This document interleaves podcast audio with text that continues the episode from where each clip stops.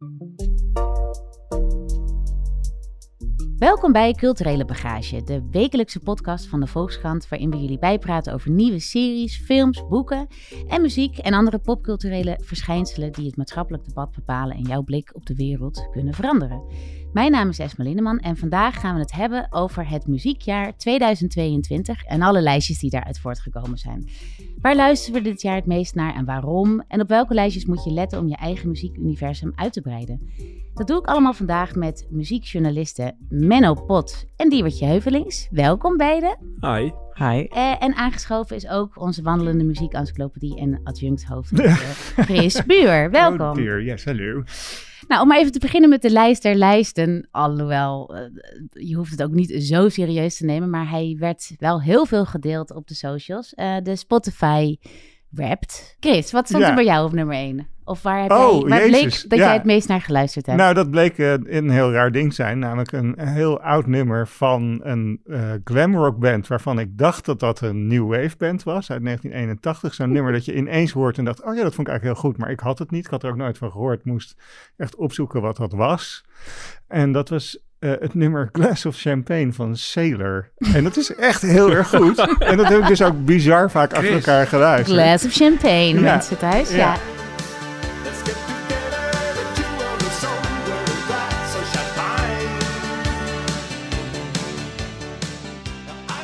De, you, eh, wat is ook weer? You and me over a glass of champagne. Verschrikkelijk seksistische tekst. eh, lo- zoek het zelf maar op. Het is echt heel grappig. Maar het, is een, het lijkt dus een beetje een nummer van eh, Ecstasy, eh, zeg maar. Dus de band uit de jaren 80.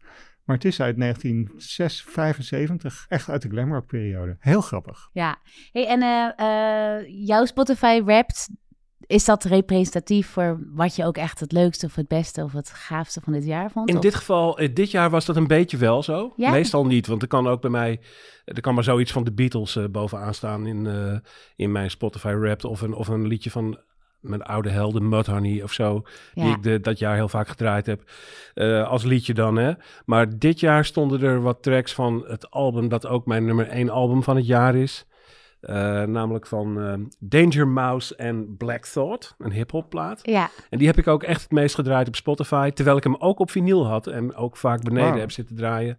Eh, dus wat dat betreft heb ik die wel echt het meest beluisterd. nou, ik wil zo horen hoe jij dan die plaat hebt uitgekozen tot de beste plaat van het jaar eigenlijk. Maar ik was ook nieuwsgierig van, doe jij net als Chris, ehm, heb jij ook dat je soms één nummer gewoon heel veel luistert? Dat je denkt, nou, dit is gewoon zo lekker, ik zet hem gewoon nog een keertje op. Nee, bijna niet. Nee. Ik, ik draai albums achter elkaar. Ja, Eh, is dat beroepsdeformatie, denk je? Of- ja, heel erg. Eh, Ja. en, eh, hoewel, misschien, misschien ben ik ook wel gewoon zo. Ehm, maar het is zeker ook voor een gedeelte beroepsdeformatie. En mijn Spotify geeft ook niet een goede eh, afspiegeling van wat ik in zo'n jaar doe. Omdat wij heel veel albums vroegtijdig toegestuurd krijgen als stream of als download. En dan zit het in je iTunes. Als het een stream is, wordt het helemaal nergens opgeslagen. Dus eh, dat, is, dat geeft een volkomen verknipte beeld altijd. Ik moet echt gaan zoeken van wat was het ook allemaal weer dit jaar. Onze columniste Lisa Bouilleuren, die schreef over deze Spotify Wrapped, wat, zoals ik al zei, heel veel is gedeeld op allerlei eh, Facebook- en Instagram-pagina's. Iets wat zo ontroerend, lustopwekkend, sfeerverhogend of intens kan zijn als muziek, wordt platgeslagen tot statistiekjes over het consumeren van één product. De waarde zit in de minuten, aantallen en percentages. Vinden jullie, eh, zijn jullie het daarmee eens dat het ook wel een soort platgeslagen manier is om, om eigenlijk over muziek te denken, zoals Spotify Wrapped je minuten samenvat? Diewertje? Er zijn twee verschillende Spotify Wrapped. Ja. Spotify Wrapped voor consumenten en Spotify Wrapped voor artiesten. En voor consumenten vind ik het heel leuk, want je gaat echt terug je jaren in. Voorgaande jaren hadden ze het ook over, over genres per seizoen. Dus dan weet je ook, oh ja, in de zomer luister ik echt daadwerkelijk naar andere muziek dan in de herfst. Maar wanneer het op artiesten neerkomt, dan is het inderdaad... Dan gaat het alleen maar om data. En dan krijg je heel snel die competitie. Dat de ene artiest ziet dat hij 3 miljoen keer geluisterd is. En de andere artiest dat hij 1 miljoen keer geluisterd is. En dat kan dan eh, heel vervelend zijn voor artiesten. Dus dat vind ik inderdaad wel lastig om te zien. Als je artiesten dat allemaal ziet delen, dat je Misschien, denkt... artiesten nog meer dan dat, dan, eh, dan eh, de hoeveelheid luisteraars. Ook wie, of wat of wanneer ze worden geluisterd. Ja, op, op ehm, Spotify for Artists zien ze heel veel. Zien ze precies alle landen waar echt op de minuut. Sterker nog, als je Spotify for Artists opent als artiest, dan krijg je echt trillingen. Een moment dat er streams bij komen. Dus dat is, dat is, heel, dat is nog erger dan hoe wij Instagram of TikTok ervaren. Ja. Maar eh, en ja, dat, is, dat is voor mij ook een van de grootste, eh, ja, het kritiekpunt wat, wat ik heb op dat soort, op dat soort eh tafereelen, is dat het gewoon heel ongezond is voor de kunstenaar. Dat je daar constant mee geconfronteerd wordt. Maar ik vind het voor consumenten wel heel leuk, want ja, Ja. wij kunnen een beetje pochen met dat we een genre luisteren wat we nog nooit van gehoord hebben. ja. Wat me ook opviel aan, aan de Spotify Wrapped was dat een nummer van Chris Cross Amsterdam en Antoon, een Nederlands eh, nummer, het meest gestreamde liedje was eigenlijk van dit jaar, volgens Spotify. Ik wil dat je niet wegloopt en met de nacht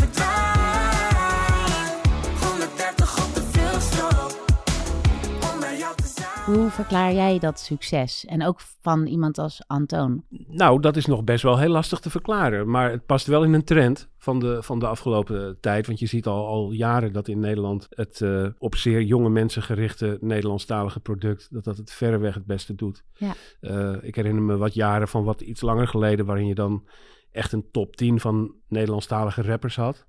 En daarna kwam al het andere, eh, nadat er eerst een heel groot gat zat. Ja, Dus dat is wel echt wat je al, al jaren ziet. Maar hoe je specifiek Antoon, hoe we moeten verklaren waar die ineens vandaan komt, dat zou ik dan weer niet weten. Diewertje, weet jij dat? Nee, ja, dat er een rapper achter zit die hem geholpen heeft. Ja, Big Two heeft eh, samen met hem de productie gedaan en heeft hem begeleid. En ja, het- ik, vind, ik vind het vrij logisch als ik het hoor. Hetzelfde als bij Chris Cross. Het is, het is vrij recht toe, recht aan pop.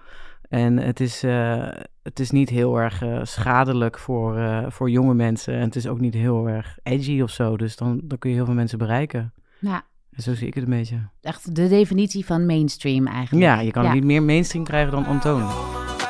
Ik zag je staan en ik dacht Hallo Je kwam dichterbij en je zei Maar hij heeft wel iets een beetje eigenzinnigs gevonden, toch? Dat, dat een beetje super... Ik bedoel, het is weer next level slick. En heel, dat vond ik toch wel weer... Ja, wat ik wel interessant vond, is wel inderdaad die, die jaren waar Menno het over had. Dat, het wat, dat het, de doelgroep wat, wat diverser was. Eh, heeft Antoon wel echt de koormeisjes eh aan Ja. zijn aan zijn- aan zijn zij gekregen. Ja, want ik begreep dat die echt Ja. allemaal posters van hem hebben. En Ja. dat hij eh, Ja. gewoon echt een soort held is, toch? Binnen Ja, de en er is natuurlijk ook een hele grote eh, hockey-community in Nederland. en dat is, daar, daar, daar is, daar is, ja, ze presteert hij heel goed in. Ze komt van de hotelschool af, al de nachten zijn gelakt. Ik heb duizend concurrenten voor de aandacht. In de Dat is een beetje het publiek, hè? Ja. Ja. Ja. En wat vind je van eh, een band die ik veel eh, op de podia heb gezien deze, dit jaar of deze zomer, eh Goldband. Wat vind je daarvan? Ik moet zeggen, ik vind het hartstikke leuk, eerlijk gezegd. Er is inmiddels een soort van haatreflex op gang gekomen tegen Goldband. Maar op die festivals doen ze het toch wel heel erg goed, vind ik. Daar gaat het er allemaal in als koek en is het het feest van het weekend. Zowel op Lowlands als op Down the Rabbit Hole en waar ik ze ook maar gezien heb. En ik heb ze geïnterviewd op het strand van Scheveningen eh, toen dat allemaal een beetje begon. En ik vind het verschrikkelijk leuke gasten ook. Ja. Dus ik gun het ze heel erg. Alleen voor jou. Dit is voor jou, dit heb je verdiend. Ik sta op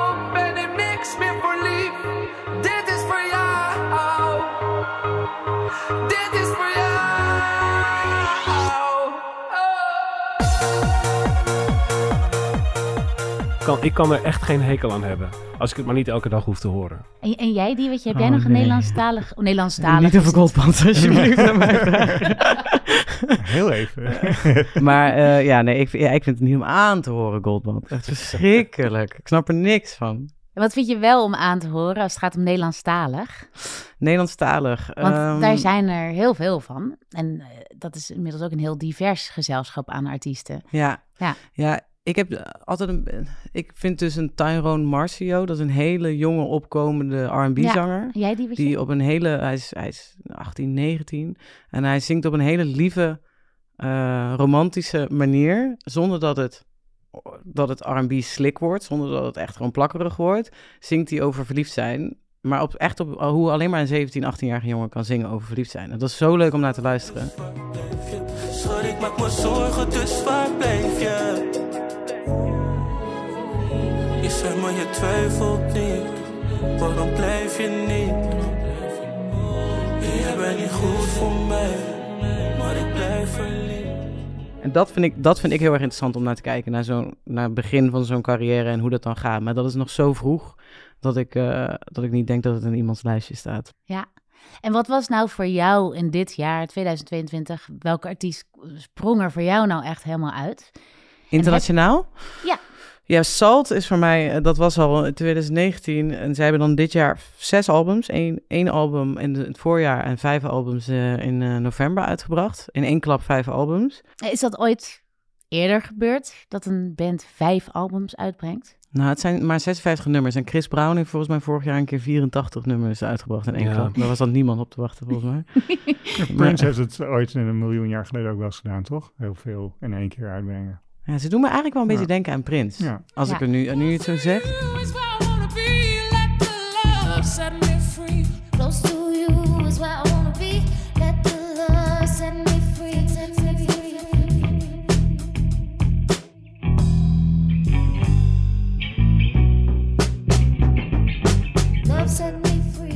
ik vind het gewoon hele bijzondere muziek, omdat het gewoon heel echt en authentiek is. En je hoort hoe ze op zijn gegroeid. Ze zijn heel christelijk opgegroeid, of in ieder geval zijn ze dat geworden. En je hoort dat dat ook de kern is van hun muziek. En normaal ben ik niet heel erg van de gospel. Maar dit is op zo'n ehm, pure manier gebracht. Dat het me ook heel erg doet denken aan de jazz, echt de spiritual jazz van vroeger.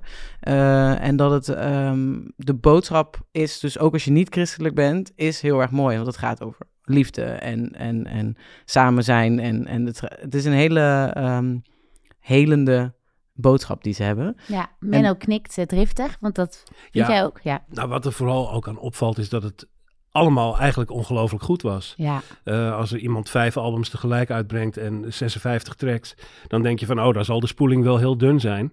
Maar nee, het is allemaal ontzettend de moeite waard. En we, we kenden Salt, Salt al een paar jaar. Eh, de, de eerdere albums waren een beetje van die eh, hip-hop meets soul meets gospel, bijna hoorspelachtige eh, stukken. En nu gaat het echt alle kanten op. Er zit hele wilde avant-garde bij, er zit jazz bij. Het, het vliegt alle hoeken in. Maar het is eigenlijk allemaal heel erg mooi. ja. En dat is toch wel buitengewoon bijzonder. Morning sun, when the evening come, and you're so far gone away from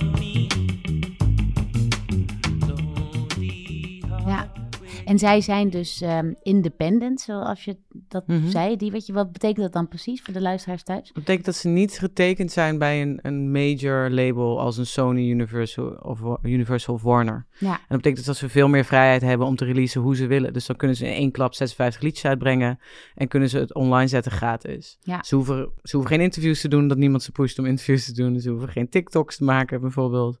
En ik bedoel, ze hebben volgens mij nu 2, 2 miljoen maandelijkse luisteraars op Spotify. Nou, Apple zou ook wel zoiets zijn. Dus dat is niet heel veel. Maar als ze daarvan rondkomen, dan ze toeren niet. Wat ik, van wat ik, wat ik weet.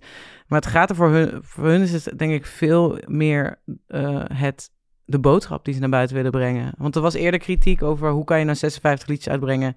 Wie cureert dat dan?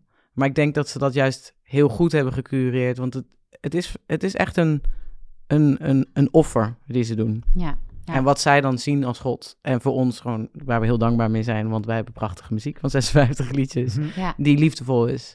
Maar is het nou, is door Spotify dan de markt eigenlijk ook toegankelijker geworden voor als je denkt, we hebben gewoon een heel goed plan en we maken hele goede muziek eh, en wij vinden ons publiek? Of is het nou juist moeilijker? Want ik heb vaak ook de indruk dat het, dat, dat het is. Dat, dat, dat er eigenlijk helemaal geen, nou ja, geen, dat er minder kleine bandjes en vooral heel veel hele grote successen Nee, zijn. wat, de cijfers die Spotify altijd naar buiten brengt, is dat er veel, dat de, de aantal mensen die geld verdienen met, met muziek maken, veel eh, groter is geworden dan voor Spotify. Omdat je natuurlijk echt heel, heel veel moeite moest doen om of een label te krijgen. Je moest bij een label zitten. Of als je het independent ging doen, dan had je het gewoon vrij zwaar door de juiste pers te krijgen om, om de promotie te krijgen rondom je album. En nu kun je het doen via een Spotify. Ook andere streaming services die dat uiteraard deden.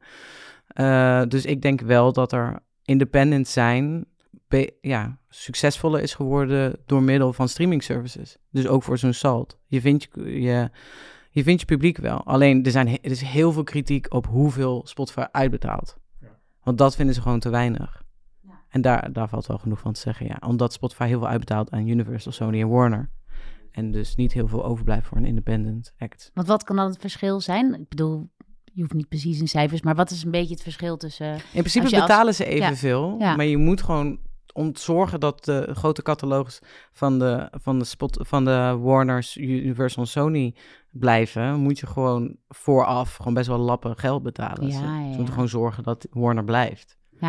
Dan wilde ik aan jou vragen, Menno, want je had het er net al over de plaat die bij jou op nummer 1 staat. Hoe weet je dan voor jezelf wat jouw lievelingsplaat is van dit jaar? Soms is dat heel lastig nog. Moet ik echt gaan denken van ja, welke zou ik nou op één zetten? In, di- in dit geval was het heel duidelijk. Die Ja, maar nog even Mouse- over deze plaat. Leg even uit, wat voor muziek is dat en wat raakte jou er zo aan? Want ik neem aan dat ook muziekjournalisten uiteindelijk toch gewoon geraakt moeten worden Ja. door muziek. Ja. Ja, de- die plaat van Danger Mouse en eh, Black Thought. Black Thought is de eh, eh, MC van de hip-hop band The Roots, een Ja. instrumentale hip-hop band.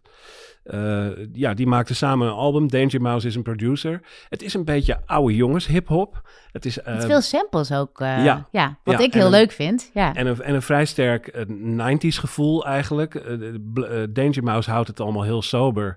eh, stelt zich erg eh, dienstbaar op voor, voor Black Thought. Die mag vlammen. En dat doet hij ook. Dat doet hij eigenlijk veel meer dan hij op het recente werk van The Roots eh, gedaan heeft. En het is, het is echt hele fijne, klassieke, oldschool hip-hop. En ik merkte dat ik er maar naar terug bleef grijpen en ongelooflijk blij van werd.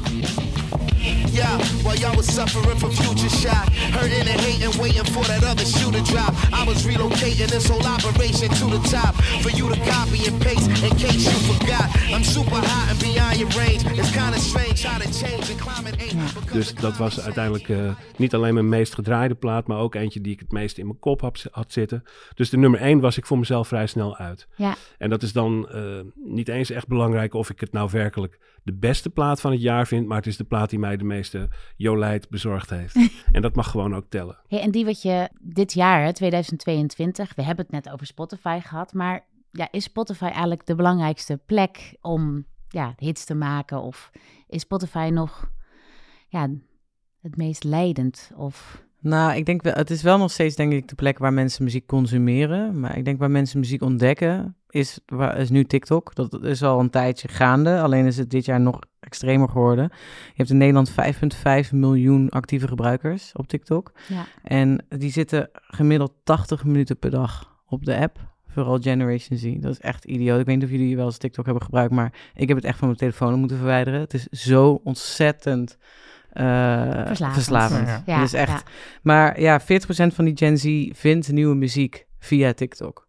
En dat is, dat is gewoon enorm snel gegaan. Kijk, waar je vroeger muziek ontdekte via radio of via oor bijvoorbeeld, of in de krant, heeft Spotify op een gegeven moment die plek overgenomen. En je had nog, toen nog de blogs tussendoor, maar op een gegeven moment heeft Spotify met zijn, met zijn lijsten die, die plek overgenomen. En je ziet die periode van dus muziek ontdekken, plek waar je muziek ontdekt, steeds korter worden. Dus waar radio en, en, en de magazines het heel lang hadden en de blogs ook nog een paar jaar, heeft Spotify het eigenlijk maar twee, drie, vier jaar gehad of zo, als echt main plek. En nu is het TikTok geworden, dus ik vraag me ook af hoe lang dat duurt. Maar het is wel enorm groot geworden. Als je kijkt naar de Nederlandse acts, of de, de in sowieso wereldwijd, als je kijkt naar de nummers die op meest gestreamd zijn, en Harry Style, As It Was, en Glass, eh, Animals, die zijn echt op TikTok ontploft. Dat zijn enorme tracks geworden op TikTok. En ook in Nederland, Vluchtstrook is niet normaal veel gezocht op TikTok. En Mo bijvoorbeeld, met Dat heb jij gedaan, die is tegen de miljoenen keren gede- eh, geviewd op TikTok. Ja. Dat is echt, eh, dat zijn eigenlijk grotere cijfers. ja, en wat betekent dat dan voor artiesten als TikTok zo ontzettend belangrijk is? Hoe- Wat moet je dan doen? Wat is dan je strategie om een hit te scoren, zeg maar? Nou, dat is wel interessant. Het betekent twee dingen. Het betekent dat je niet meer, en dat hoeft je al niet echt bij Spotify, maar op een gegeven moment heeft Spotify het best wel dichtgetimmerd qua hoe je kan pitchen. Het is, het is open voor iedereen, maar het is ook weer zo groot geworden. Dus als je een nieuw nummer uitbrengt wat je pitcht naar Spotify om in de playlist te krijgen, is het ook weer zo groot geworden dat het bijna onmogelijk is om iedereen in die playlist te zetten. Dus je werd niet meer echt ontdekt in die playlist als independent artiest, of in ieder geval een stuk minder dan vroeger.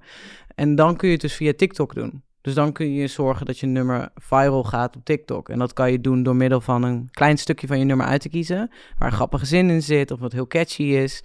En dat kun je misschien versnellen. Dat is ook een hele grote trend op TikTok geworden. Alle nummers zijn iets van drie, vier keer sneller. Dus de app zelf is, gaat enorm snel. Je krijgt eh, binnen muziek 15 dus seconden ook, alle in, ja. met muziek dus ook. Ja. Je zou ook kunnen denken, hoe, hoe, hoe kom je daarin als, als, eh, als hele kleine artiest? Maar TikTok test heel vaak accounts die bijna geen views hebben en bijna geen comments hebben.